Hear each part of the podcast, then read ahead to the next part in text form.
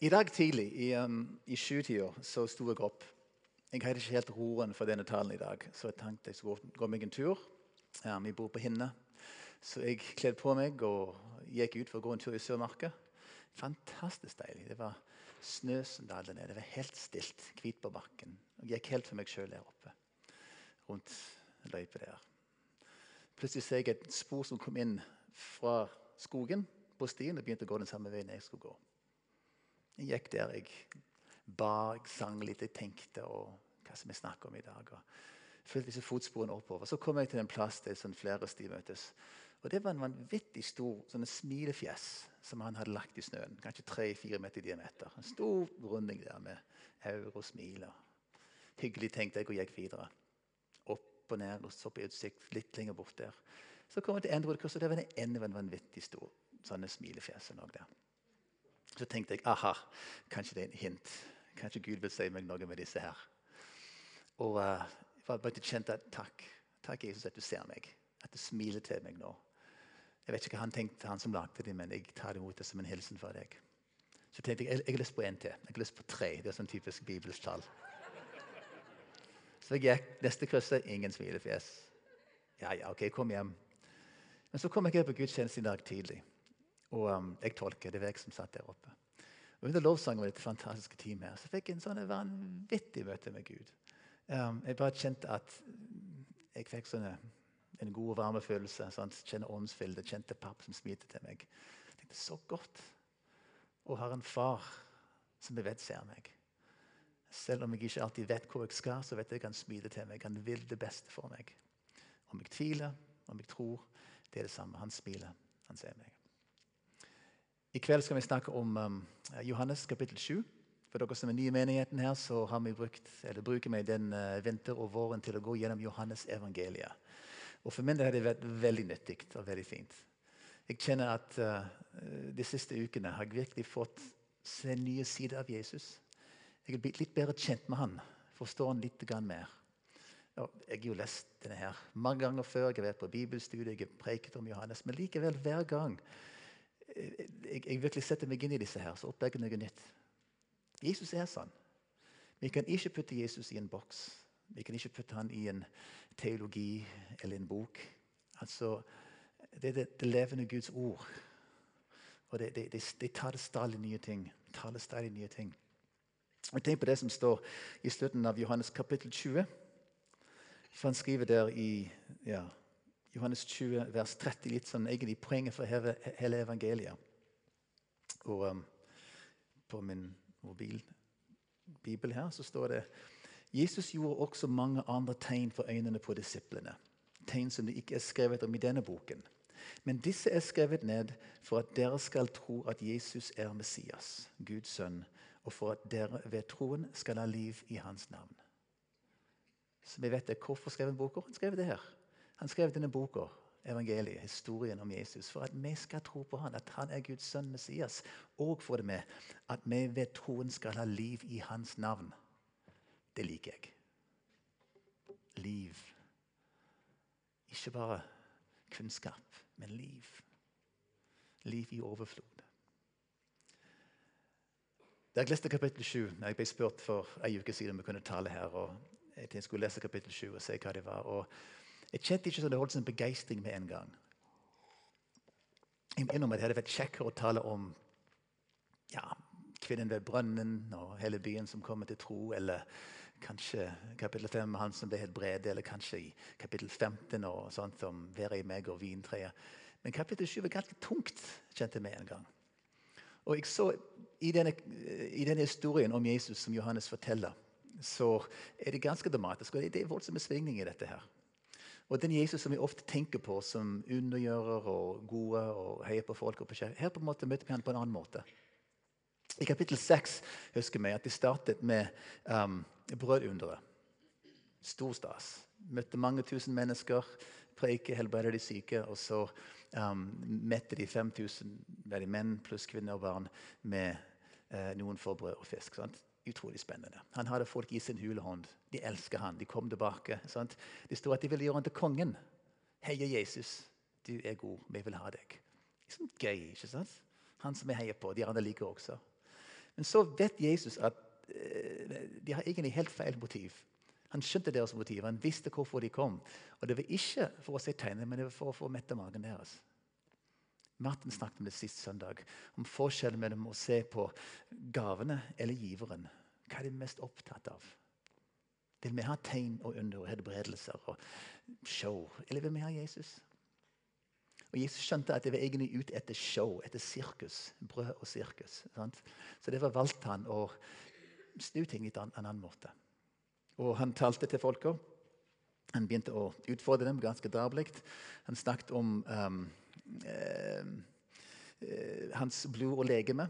Sånt, at hvis du vil ha meg, så må du komme og spise meg. Spise mitt kjøtt, drikke mitt blod. Og Dette skjønte de ikke. Han kunne godt ha pakket inn og sagt dette var et bilde på nattverd. slapp av, folkens. Men han gjorde ikke det. Han utfordret dem. Og hele poenget var, tror jeg, sånn som Martin snakket også om sist gang, at, han ville, at, at dissosierte dreide seg om han og relasjonen til han. Alt annet var egentlig mindre relevant. Det er klart det er flott med helbredelse og tegn og under. og, og vet ikke hva. Yes, vi skal ha det. Men i bunn og grunn handler det om Jesus. Gi meg Jesus. Bare Jesus. Og til Johannes evangeliet vil si det også til oss. Det kommer ned til én ting. Det er Jesus, og det er vår relasjon til han. Og det ser vi ganske tydelig her i kapittel 7. For Kapittel 7 handler om egentlig to ting. På den ene siden har vi masse mennesker som forholder seg til Jesus. Uh, for folk som hater han, som vil drepe han, folk som tror på at han er Messias, og masse ting imellom der. Og vi leser den ene etter den andre som har en betraktning eller et spørsmål eller sier noe til Jesus, for å vise hvor forskjellige måter det er å forholde seg til han. Og så Det andre ting vi hadde, det er jo selv Jesus. Og Hvordan han forholder seg til mennesker som ikke helt skjønner hvem han er. Det er fascinerende å se. Altså, Han kunne godt ha oppklart forvirringen, han kunne godt ha oppklart misforståelsene. Men han velger Han er, er helt ram på dette her. Han har ett mål, og det er det å gjøre det som sin far gjør. Sant? Han sa i kapittel 5 Um, nei, hvor var det det? Nå kommer jeg ut av manusen min her. 5.19. Så Jesus tok til ord og sa til dem.: Sannelig, sannelig, jeg sier dere, sønnen kan ikke gjøre noe av seg selv, men bare det han ser sin far gjøre. Det far gjør, det gjør også sønnen. Jesus er ett fokus. Hva er det du holder på med, far? Hva vil du si? Hva vil du gjøre? Hvordan kan jeg være med på det som du gjør nå? Så må Jesus på en måte eh, har sånne gode dag en økseskaft-svar til folk. Sant? For han, han, han, går ikke inn på deres premisser, men han kjører fram det som han vil gjøre. Han er veldig tydelig på dette. her. Vi ser først på dette, disse menneskene som, som uh, kom til Jesus.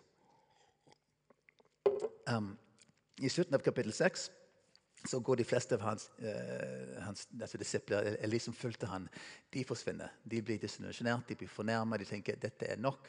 Nok er nok. Han er gal. Altså, det er egentlig bare de tolv som står igjen der. ikke sant? Jeg skal spørre dem, Vil dere også gå? Og De sier nei, men hvem skal vi gå til? Det, det er bare deg med her, Jesus. Så de i det minste ikke gikk fra han der. Men når vi kommer til kapittel 7, så virker det som han er helt alene. Det virker som han sendte disse disiplene foran seg opp til Jerusalem. For det skulle komme uh, en stor fest, en av de store festhøytidene for jødene. Løvehyttefesten. Og Så står det helt fra første um, vers her at um, jødene sto ham etter livet. Siden dro Jesus omkring i Galilea. Han ville ikke være i Judea, for jødene sto ham etter livet. Altså, De ville drepe ham. Jødene, parentes her, Når han snakker om jødene, han snakker om, om, om lederne for det jødiske folket. og Det høye råd, fariserende skriftlærde, de som hadde makt, som styrte samfunnet. Så Hvis jødene ville ta ham, så betyr det at han var blitt en ganske stor trussel det var ikke uten grunn de ville drepe han. For Jesus sto egentlig fram og sa at han var Messias. Han var Guds sønn. Mer eller mindre. Mange følte han. Han gjorde tegn under de ikke kunne forklare. Han utfordret deres syn på hvordan ting burde være. Han helbredet på sabbaten. Så Jesus, Jesus passet ikke inn i deres bilde av hvordan Messias skulle være. Så Derfor tenkte de han er en falsk profet. Han fortjener å dø. De ville av, um, altså de ville drepe han. Så Jesus var veldig tydelig og provoserte folk ganske radikalt som vi hadde de første der. Men så, med, unnskyld, så det neste som skjer, at uh, vi møter brødrene hans i vers 3-5. Det er interessant at Jesus hadde brødre. så de, ikke de snakker om dem, men Han var nummer én, men så kom det flere etterpå. Og disse brødrene her de kan det være skjult på storebroren eller ikke. jeg vet ikke hvordan det her, Men tydeligvis her så trodde de ikke på han engang. De hadde sett tegn og under. De hadde sikkert hørt historien om Betlehem og englene. De skjønte dette, her, men likevel står det her at um, de ikke trodde på han. Brødrene hans sa til ham Dra bort herfra og reis til Judea, så også disiplene dine kan få se de, de gjerningene du gjør. For ingen som vil bli kjent, gjør noe i hemmelighet. Når du gjør slike gjerninger, så stå fram for all verden. For heller ikke brødrene hans trodde på ham. Altså, Brødrene hans trodde at han, at, at han ville bli kjentes. De misforsto hele opplegget. De ville også ha ham fram. Sant? Og så så de at det ikke stemte. Så ah, han Jesus. Hva gjorde Jesus? Altså, Han gikk ikke på deres premisser, men holdt fast til det som var hans plan. Han, eh, det står at først at de ikke skulle reise til uh, Jerusalem, men så etterpå så fikk han et, uh, en, et nytt budskap fra sin far. sannsynligvis, og bestemte seg ok, jeg skal til Jerusalem, men reise der i hemmelighet. Så står det her hvordan han kom fram. Folk var uh, ganske opptatt av hvem han var. Han var blitt en snakkes allerede der i Jerusalem, for han hadde vært der før. og folk lurte på hvor er han Jesus det står at noen sa han er et godt menneske, i vers 12. Nei, han fører folk vill, sa andre. Men ingen snakket åpent om ham, for de var redde for jødene. Så Her ser vi det mange meninger ute og går, og de er redde for å snakke fordi de skjønner hva, hva, hva eh, lederne deres mener om ham. Etter han eh, sto fram og begynte å tale, en som sa 'Du har en ond ånd i deg'. Etterpå står det at eh, i vers 25-27 uh, den sto frem og talte åpenlyst, og, og folk skjønte hva er det som skjer nå. Da sa noen av dem som bodde i Jerusalem, er ikke dette han som de vil drepe? Og nå står han og taler åpenlyst, og de motsier ham ikke. Kan rådsherrene virkelig ha kommet til at han er Messias? Men vi vet jo hvor dette mennesket er fra. Når Messias kommer, skal ingen vite hvor han er fra. Altså Folk var forvirret, de lurte, de snakket. Og alle var opptatt av hvem var han type her. Og Jesus ville ikke gå inn på deres banehalvdel. Han ville ikke på en måte gå inn i deres liv. Han ville få det med inn i sin historie, inn i sitt liv. Så han brukte sin egen måte å gjøre det på. Han skjønte hva de mente. Han var, å, han var, ikke så opptatt av å passe inn i deres verden som han var at de skulle passe inn i hans verden. Jeg husker da jeg var litt yngre og leste disse versene her, så blir jeg ofte frustrert. Tenkte Jesus, hvorfor, hvorfor, hvorfor måtte det være så vanskelig? Hvor, altså, kunne ikke bare sagt liksom, hvem du var? Kunne ikke bare liksom, gjort noen triks og vist hvem det var, så de kunne tro på deg? Og slippe alt denne her styret her, og de vil drepe deg og sånn. Jeg husker til og med at uh, når jeg så på Jesus-filmer, så hadde jeg hemmelig, et hemmelig ønske at kanskje denne gangen skulle han bare stå framfor Pilatus og fortelle hvem han var, så han slapp å bli korsfestet. Så jeg tenkte, Kanskje for en gang skulle få en sånn happy ending her. Sant? Jeg vet ikke om noen andre tenker sånn som meg, men jeg tenkte, hvorfor Jesus måtte være så, så vanskelig? sant? Altså, Han kunne starte et megachurch lett. Sant? Han hadde 10 000 mennesker der. Sant? De stilte opp. Han hadde preken som stuste, så de sto i beundring. Wow, hvordan han taler. Sant? Han kom etterpå og helbredet alle de syke. Sant? Tenk på den tjenestegjøringen der, ledet alle er friske. Sant? Lammet som går, og blinde som ser. Og så er det sånn billig lunsj etterpå. Sant? Noen får brød og fisker og serverer lunsj, og så alle går alle fornøyd hjem. Sant? Megachurch. Fantastisk. Sant? Tenk hvordan det kunne sett ut. Sant? Heldigvis så hadde han eh, øye for hva, så, hva sin far ville gjøre, ikke det som jeg ville at han skulle gjøre. For jeg tror ikke det har vært så mye frelse av det. Men det er fascinerende å se hvor, hvor tydelig han var på å fokusere på hva er din vilje, far. Sant? Kan vi lære noe av dette her? Er det relevant for oss i dag? Jeg kommer tilbake til det.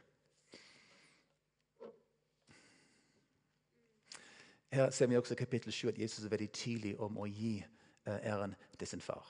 Han vil ikke ha så mye fokus på seg sjøl, men han taler veldig tydelig at 'jeg er sendt'. Jeg er, far, uh, jeg er sendt av faren. I vers 16 og 17 det står Jesus svarte. Min lære er ikke min, men kommer fra ham som har sendt meg. Den som vil gjøre hans vilje, skal skjønne om læren er fra Gud, eller om jeg taler ut fra meg selv. Sånn? Han er sendt. Det var Gud som talte gjennom ham. Det var Guds budskap. Og de som skulle skjønne altså, eh, om det var sant eller ikke, måtte ikke se på han, for der ble det bare forvirring. Sant? han fra Betlehem eller Galilea. Sant? Han virker helt feil. Men budskapet, gjerningene, ordene, de skulle tale. Og for de som ville gjøre sin fars vilje, står det her. Hvis de bare klarte å få tak i det, da vil de skjønne hvem som sendte han, hvem som talte gjennom han. Vers 28-29. Da ropte Jesus ut mens han underviste på tempelplassen. Ja, dere kjenner meg og vet hvor jeg kommer fra. Men jeg har ikke kommet av meg selv. Og han som har sendt meg, er sann. Men dere kjenner ham ikke. Jeg kjenner ham, for jeg kommer fra ham, og han har sendt meg. Jesus hadde veldig sterkt bevissthet på at han var sendt. Over 30 ganger i, i Johannes evangeliet så sier han at han var sendt. Han som sendte meg. Jeg er sendt. Sant? Hans identitet, hans selvforståelse var at han var sendt fra faren. Sant? I begynnelsen med ordet. Ordet var hos Gud, ordet var Gud. Ordet ble menneske og tok bolig blant oss. Han var sendt. Han var ikke her på egen business. her. Han var sin fars business. Alt det han gjorde, alt det han sa, skulle være en refleksjon av hva Gud ville gi til folket her.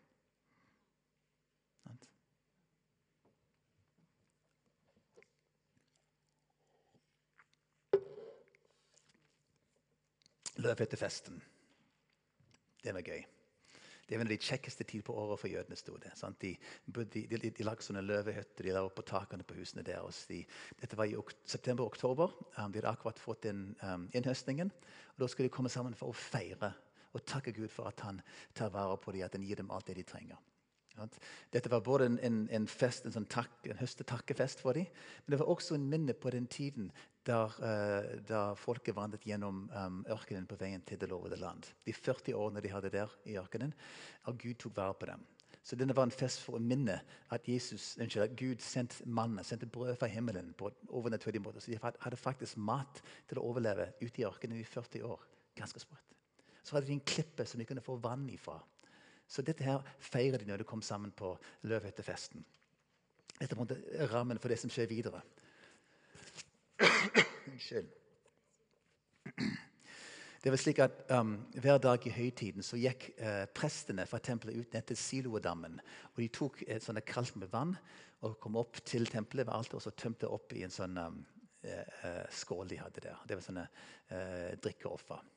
Og så Den syvende dag i festen der gikk de ned og kom opp. Og så gikk de syv ganger rundt alteret. Og da skulle de ha denne store, Det er sånn bilde av da folk gikk rundt um, uh, Jerikos murer. ikke sant? Og Så kom de og tømte det oppi der, og da var det sånn ville jubelscener. Det var liksom høydepunktet på festen. For da så de at Gud gav det de trengte. De takket de priste han for det. Samtidig var dette òg en tid der de så veldig fram imot Messias. Vet, de hadde en tro på at det ville komme en Messias tilbake for å, å frelse folket. og Redde dem ut ifra, uh, fra fiendens hender. Og den, akkurat denne tida her var en veldig spesiell forventning om at Messias skulle komme. Så se for deg den siste dagen i festen med uh, vannet fra, fra Silodammen opp på alteret der, sju ganger rundt. Messias forventning. Og hva skjer da? Høy dramatikk. Hvis vi da slår opp i vers uh, eh, 37-38 på den siste dagen i høytiden, den store festdagen, sto Jesus fram og ropte. Den som tørster, skal komme til meg og drikke. Den som tror på meg, for hans indre skal det, som Skriften sier, renne elver av levende vann. Kom til meg. I det de var i ferd med å ofre disse ting til faren som hadde gitt disse tingene, så sa han, 'Kom til meg'. Vent litt. Hvordan henger det sammen her? Jeg venter på Messias. Kan det være han? Dette bildet her om vann var vanvittig viktig for de folka der. Sant? De bodde i et land som var ganske tørt. De hadde jo kilder og elver. Men rundt på alle kanter var det i ørkenen. De hadde også opplevd tider med tørke uh, gjennom deres historier, så vann var ekstremt viktig for dem. De visste hva det var å være tørst og være i nød. Og de visste hvor viktig det var med ren, klare kilder av levende vann. Og Gjennom Det gamle testamentet mange ganger bruker de dette her som et bilde på Gud som viser sin godhet mot folket. Jesaja 44, 44,3 jeg øser vann over det tørste og bekker over det tørre. Jeg øser min ånd over din ætt og min velsignelse over dine etterkommere. Og, uh, vannet var også bildet av Guds ånd som skulle øses utover folket. I salmene mange ganger leser vi at folk lengter etter Gud. Sant? De tørster etter Gud. Vi har disse kjente versene fra Salm 42. Som hjorten lengter etter bekker med vann, lengter min sjel etter deg, min Gud. Min sjel tørster etter Gud, etter den levende Gud. Nå skal jeg få komme fram for Guds ansikt. Og så har vi Guds invitasjon fra Jesaja 55 til folka som var langt borte. Kom, alle tørste, kom til vannet. Dere uten penger, kom og kjøp korn og spis. Kom, kjøp korn uten penger, vin og melk uten betaling.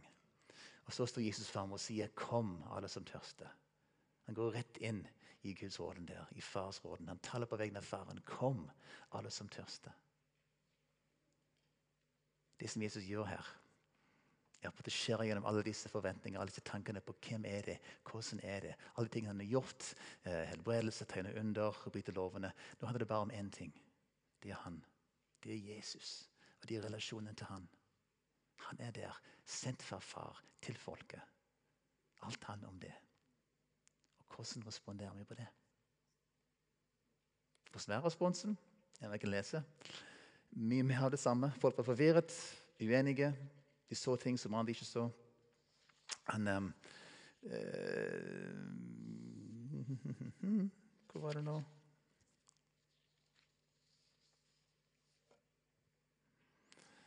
Ja, Da de hørte ordene hans, sa noen i folkemengden dette må være profeten. Nei, det er Messias, sa andre. Da sa noen Messias kommer vel ikke fra Galilea? Sier ikke Skriften at Messias skal være av Davids ett og kommer fra Betlehem, Davids hjemby? I en parentes, Kunne ikke Jesus bare sagt 'jeg er født i Betlehem'? Sant? Han gjorde ikke det. Så Her møter du tro, tvil, vantro. Men hva var det Jesus sa her, da? Han sa 'Kom, den som tørster, skal komme til meg og drikke'. Så sier han, 'Den som tror på meg, for hans indre skal det, som Skriften sier, renne elver av levende vann'. Den som tror på meg, for hans indre skal det, som Skriften sier, renne elver av levende vann. Hva betyr det å tro på meg? Altså, Vi har en forestilling her i Vesten om at tror han er noe intellektuelt. Sant? Og holder noe for sant. Og tro at Jesus er Guds sønn, er på en måte den vi skal fram til. Men Jesus snakker om noe helt annet her. Å tro her er å ta imot hans invitasjon. Han sier 'kom'. Og så folk sier ja, han må være Messias. Men hva hjelper det hvis ikke de kommer? Tro er en respons til å si ja takk, Jesus. Jeg vil følge deg, jeg vil, jeg vil, ha deg, jeg vil satse på deg, jeg vil gå med deg. Sånt? Tro er en handling, ikke bare en tanke. Tro betyr å respondere på invitasjon. Og det er først og fremst Jesus som handler i troen. Sant? Det er han som gir tro, han som skaper tro. Og det er han som inviterer. Tro er å si ja takk til hans invitasjon.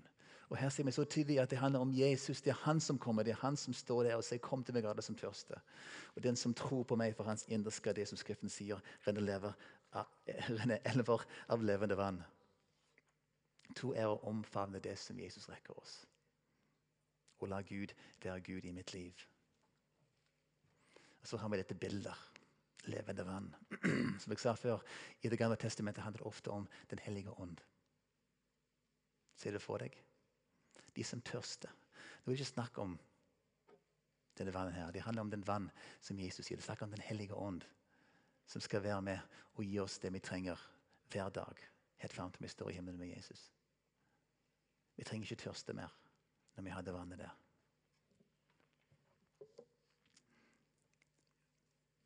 Hva betyr dette for oss i dag?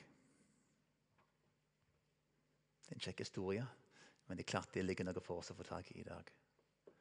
Altså, Jesus er det samme i dag. Det har vi fast i Bibelen. Så Han er den samme i går og i dag og til evig tid. Så Jesus står fortsatt der.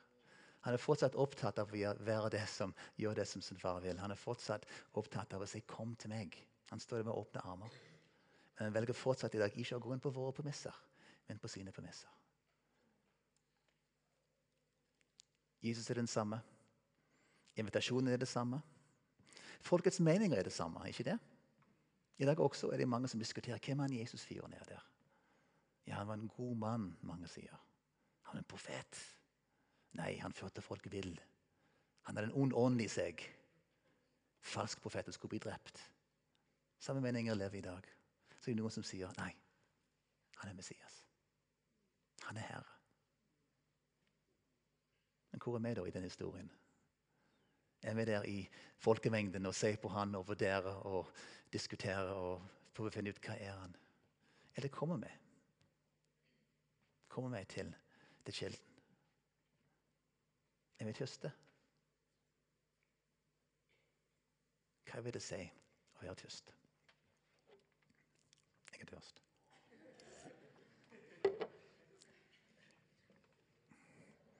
Det handler om å lengte etter noe mer. ikke sant? Det handler om å, å ville få mer av Gud. Altså, Mitt liv har vært en lang vandring. Um, først som barndomsåret, som kristen. Mange år i min unge voksentid uten å kjenne Jesus. og komme tilbake i han igjen. Og det er klart at Jeg har hatt mange sterke erfaringer av å kjenne Gud og hans nærvær. Og mange ørkenvandringer underveis. sånn at Det går opp og ned. Men jeg har sett at hver gang jeg har fått en ny erfaring av hvem Gud er, så, så vil jeg videre. Og hvis jeg, jeg er nede for, så kjenner jeg iallfall tilbake til der. Sant? Og så kan jeg videre igjen. Og jeg tenker at jeg, jeg fortsatt tørster. Jeg har ikke fått nok ennå. I dag tidlig når jeg sto og Gud, så tenkte jeg fantastisk Gud, jeg vil ha mer av deg. Jeg vil ikke stoppe. Jeg er jo fem, nei, 56 år, stemmer det? 55, 56, ja. Og jeg har fått forhåpentligvis noen år igjen på meg. Jeg har ikke tenkt å gi meg ennå. Og jeg vil aldri slutte å vokse. Sant? Det er klart Tiden vil skje at jeg, jeg har mine tørre perioder også.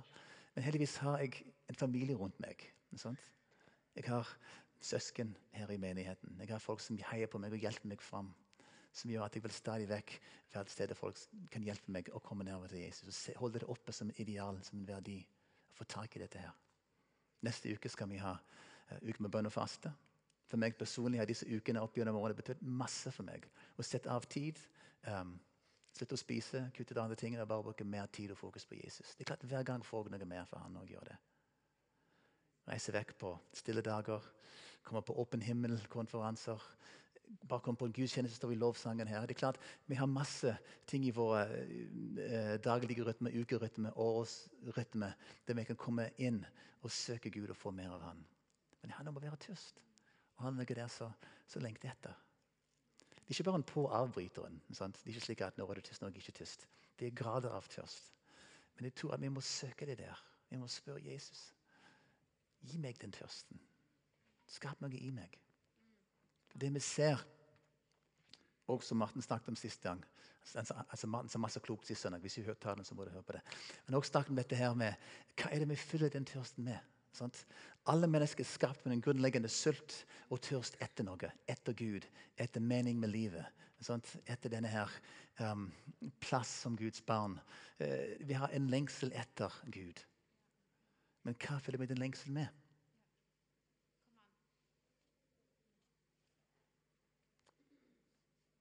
Hva følger vi lengsel med? Hva er det vi spiser og drikker som er nyttig, og hva er det vi spiser som drikker som ikke fører til noe godt i det hele tatt? Hvor mye tid og krefter bruker vi i ting som er egentlig bortkasta? Og hvor mye velger vi å, å søke Gud i vårt liv? Dette snakker like mye til meg sjøl som, til dere. Men vi må få tak i dette her. Vi må få tak i hva Gud vil med oss. Tenk, vi kunne ha tatt imot Jesus og frelst. Bra, det viktigste er gjort. Komme til himmelen en dag. Vi kan kalle det for kristne underveis. Men hvis det stoppet med det, tenk, tenk hva jeg, jeg hadde gått glipp av. Jesus sa at jeg har kommet og gi dere liv, og liv i overflod. Ikke bare frelse, ikke bare hjem til himmelen en dag. Som i det bildet her av vannet, av elven. Det òg kommer fra Det gamle testamentet. Vi leser bl.a. Jeremia 17, 7-8. Velsignet er den mann som stoler på Herren og setter sin lit til ham. Han er lik et tre som er plantet ved vann og strekker røttene mot bekken. De frykter ikke når heten kommer, løvet er grønt. De engster seg ikke i tørketider og støtter ikke å bære frukt. Den mann som stoler på Herren, han er lik et tre som er plantet ved vann og strekker røttene ned mot bekken. Ser du det for deg, det bildet der? Vi har en kilde som aldri tørker opp. Vi har Den hellige ånd som alltid er der. Sånn? Kilden som strømmer gjennom oss, Den hellige ånd. En kontinuerlig strøm. Og så har vi bildet fra Esekiel 47. Fantastisk fortelling. Hvis du ikke har lest det, så les det. For Esekiel, profeten, han får et bilde fra Gud om en elv. Om vann som kommer fra tempelet under alteret, som kommer ut En liten bekk som starter med. og Så siler det ned under døren og så ned ut forbi tempelet. og Så begynner det veien ned mot uh, um, Salthavet, altså Dødehavet. Og Der ser vi at elven blir dypere og bredere mens det går. Å starte med er det bare um, ankeldyp. Du kan vasse over det. Så står det etter hvert det, at, det, at, det, at um, det, når til knærne etter hvert til hoftene. Og så til slutt det var en elv som vi ikke kunne vade over, for vannet hadde steget til en elv der man måtte svømme. Og Så forteller han videre hvordan elven kom inn. Og De tar det saltvannet og gjør det frisk igjen. At det kommer liv langs elvebreddene. Det står at det vokser trær langs, um, uh, langs elven. da. Uh, all slags trær til du spiser av. Løvet på dem skal ikke visne, og frukten skal ikke ta slutt. Hver måned skal de bære nye frukt, for vannet de får, kommer fra helligdommen. Frukten skal tjene til føde, og bladene bringer helse. Ser du det bildet? Den hellige ånd som strømmer ut fra tempelet. Som er der, som vi kan være i og, og, og leve i. Sant? Helse. Godhet. Guds nærvær, Den hellige ånd. Se for deg at det kommer en elv fra korset der. Vann som renner ned her. Så blir det større og større og sprer seg utover. Ut gjennom salen her, ut bakdøren, ut i byen. En elv som alltid renner. Den hellige ånd som alltid er der. Guds nærvær som er synlig til stede. Hvordan skal vi forholde oss til den elven der?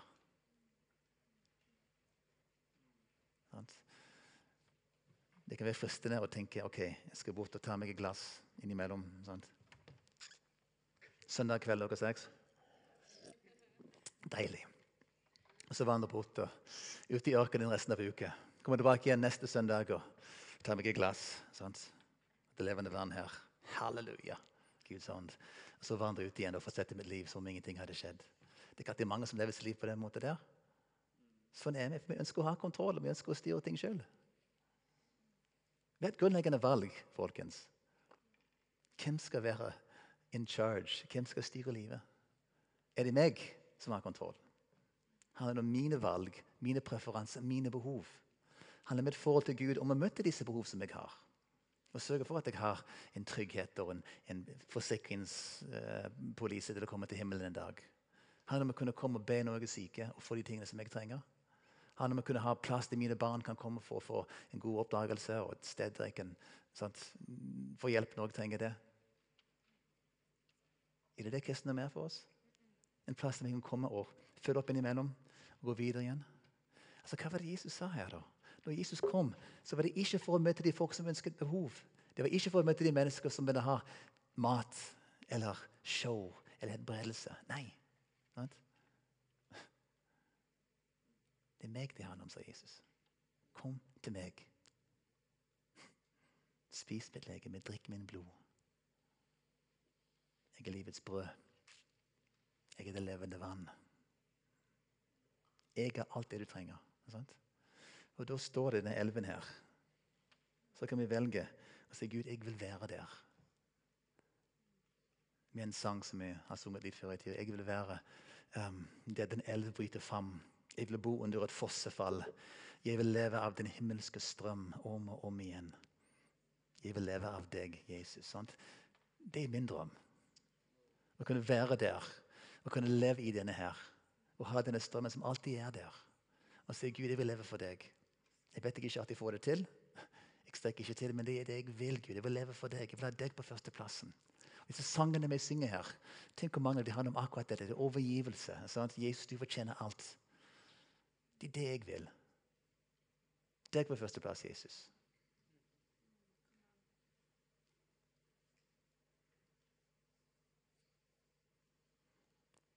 Harald. Harald hadde en uh, vitnesbyrd i dag tidlig. Uh, det Martin talte, som jeg ble så betatt av. Så du burde komme og ta det en gang til. Kan du det? Kom igjen, Harald. Harald er en flott mann. Gå på i minste hytte, vi klapper for han. Ja.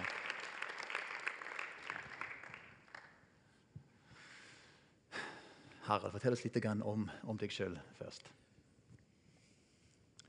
Ja, jeg heter Harald Skartveit nettopp fylt 47. Gift, gift, med, Linn. gift med Linda, har to sønner på 15 og 18. Eh, jobber som regnskapsfører. Men det siste året har du gjort noe annet enn bare Ja. jobbe som Jeg begynte på IMI-instituttet nå i høst. Ja. IMI-instituttet, for dere som ikke vet det, det er, vi har vår bibelsko- bibelskole som heter AKTA, og IMI-instituttet som er litt mer avansert, som kan føre til ja. Te teologistudier. Ja. Men hvorfor begynte du på IMI-instituttet? Ja, For de som var der i, i formiddagsmøtet, så ble det gjerne dobbelt opp. Men Gjør ingenting. um, det var en del dypereliggende ting i livet mitt som jeg kjente at eh, jeg måtte ha helbredelse for. Indre ting som hadde pågått over mange år, og som jeg var trøtt og lei av.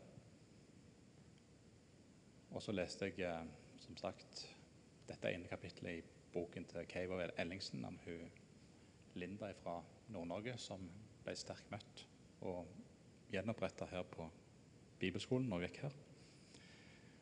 Og da visste jeg at eh, jeg må søke på, på IMI-instituttet. Så det var, men det var mange ting som lå bak før det. da. Ja. Si- si litt, litt, om de- også? Hæ? Vil du si litt om de også? De som bak? Ja. ehm, jeg har jo vært kristen det meste av mitt liv. ehm, men jeg kommer nok fra en bakgrunn der um, ja, Og vi er over på gullvekt her nå. Ehm, det er en veldig sterk tradisjon for å stå på Bibelens grunn, med bibel, solid bibelforkynnelse. Ehm, Man viker ikke en tomme på, på, på Bibelen og dens autoritet. Eh, likevel så, så kjente jeg med tida at det var noen ting som mangla. Jeg kjente på stagnasjon i kristenlivet. Og jeg kjente at eh, det er noe mer. Altså Gud sendte folk i min vei som, som overbeviste meg om at det er noe mer, og det vil jeg ha tak i. Jeg var tørst og sulten. Desperat. desperat. Ja. Er det fortsatt tørst? Veldig tørst. Ja. Det, det er løye med det. Nå var jeg i Bettel for siste uke og uka før der. og Der ble det talt om disiplene som kom tilbake igjen. og Øk vår tro, sa de. Ja. Etter at de hadde vært med Jesus så lenge, sett de store tingene. Og likevel så kom de tilbake. Øk vår tro. Så jo mer du ser, jo mer du erfarer med Jesus, så er det en bønn som blir bøtt, født i hjertet. at Mm. Øk min tro, Jesus. Wow. Det var en god bønn å be. Hvis vi ser utover her, så er det en del folk som er både oppe i 40-50-60-årene. Når blir det for seint å på en måte legge om kurset og, og, og søke noe nytt? Nei, absolutt ikke. Nei. Jeg kan anbefale, anbefale instituttet på det varmeste. Det er jo både heltid og deltid. Um, men for meg så har det, det har vært veldig bra undervisning, men det har på en måte kommet i andre rekke. Det er på en måte, det er noe med den, dette stedet å være her. Bare det med f.eks. lovsangen har jo vært en helt en åpenbaring for meg. Eh, altså Gud har stadig nye overraskelser på lur. Nå når jeg var i, i Reading, så, så var det jo egentlig en profetisk konferanse, fant jeg ut til slutt. Det visste jeg jo ikke. Men. Jeg har jo tenkt at det med profetisk, det, det er for uh, de åndelige supergutta i Guds elitedivisjon. sant? Ja. Men uh, på slutten så hadde jeg en sterk erfaring med at jeg, skulle, jeg så et ansikt tydelig for meg som jeg skulle tale til. Og til slutt så manna meg opp, og det gikk rett, rett hjem, som vi sier. Ja. Fantastisk. Vi klapper på hverandre. Ikke da. Um, jeg er veldig inspirert av at du som uh, kunne gått her, kjørt safe videre på kurset, valgte uh, å, å, å la den tørsten ta tak i deg og, og gå for det. Jeg har lyst til at du skal be for meg som er nå. At det er kanskje flere som skal uh, få tak i den tørsten her og forstå at det ikke er for seint. det er noe som ligger der. Mm. At de våger å ta noen skritt. Kan de gjøre det? Mm. Ja. Veldig gjerne. Kjære Jesus. Jeg takker deg for at du har vist så stor nåde i mitt liv. Takk at du har åpenbart deg sjøl. Takk for at jeg har fått sett så mye av at farshjertet, av hva Jesus har gjort for meg, at jeg har fått lov til å åpne opp for Den hellige ånds kanal i mitt liv, og hvordan det har beriket meg, Jesus. Takk for at du er så stor at ingenting er umulig for deg. Takk at du kan lege alle sår. Takk for at eh, du kan nå inn til absolutt alle. Ung og gammel, fattig og rik. Det er ingen forskjell. Jesus. Ingenting er umulig for deg. Og Jeg har bare lyst til å takke deg for at eh, du har reist opp et sted som dette, Jesus. Der mennesker kan få virkelig livsforvandlende møte med deg. Og at eh, den elven av levende vann som er begynt å strømme ut fra dette stedet, bare skal bli vokse til en større elv, til et osean, Jesus. Både for oss som har begynt å gå her, og som har gått her lenge. For byen vår og for landet vårt, Jesus. Og at jeg bare velsigner hver eneste en som kjenner på det i sitt liv, at, at han hungrer og tørster etter mer av deg, Jesus. Og at han ja, nesten ikke bare tenker, men bare går, går for det på instinkt. Bare nedbær din velsignelse, Jesus, over hver og en i denne forsamling, Jesus. Amen. Amen. Takk skal du ha.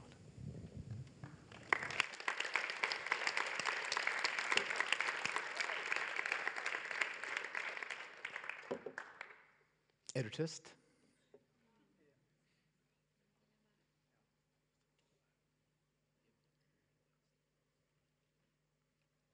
Vil du ha mer? Ja.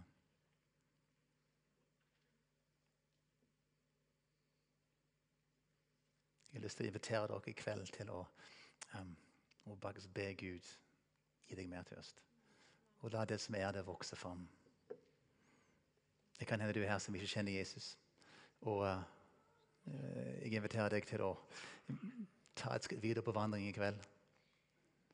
Det handler egentlig ikke så mye om hva du tenker og hva du tror. Det handler mest om at han tror på deg og inviterer deg. Og troen bare å si ja takk, Jesus. Jeg trenger ikke forstå det. Jeg trenger ikke alt på plass. Jeg trenger ikke bli kvitt tiden. Jeg bare sier ja takk, Jesus. Jeg vil ha det som du har å gi. Og da er du på vei mot Jesus. Kanskje du tenker at um, dette gjelder meg. Litt på søndag, og så ellers har jeg kontroll over mitt liv. Dette Det er ikke lett, folkens, men å våge å si vet du hva, Jesus, jeg vil ha deg i sentrum i mitt liv. Jeg vil vende om. Jeg vil gi det til deg, at du skal ta kontroll. Jeg vil stole på deg og føle deg i alle de forholdene som ligger ute. De utfordrende ting, de gode tingene, relasjoner, ambisjoner, penger, hva det måtte være. Jeg vil ha deg som Herre Jesus. Så får du sjanse å si det til han i kveld. Vi må reise oss opp nå. Be lovsangsteamet komme fram. Skal være litt mer i dette her. Og så etter hvert skal dere få lov å bli bedt for. Men akkurat nå um, Jeg inviterer deg å reise deg opp. Hvis du ikke vil, så trenger du ikke. Men jeg inviterer deg nå til å bare be Jesus. Jeg vil ha mer av deg. Skap en tørst i meg. Jesus, takk for at du kom med det levende vann. Men takk at du fortsatt er her. Takk at du står og roper ut til oss nå. Akkurat det samme som du sa der.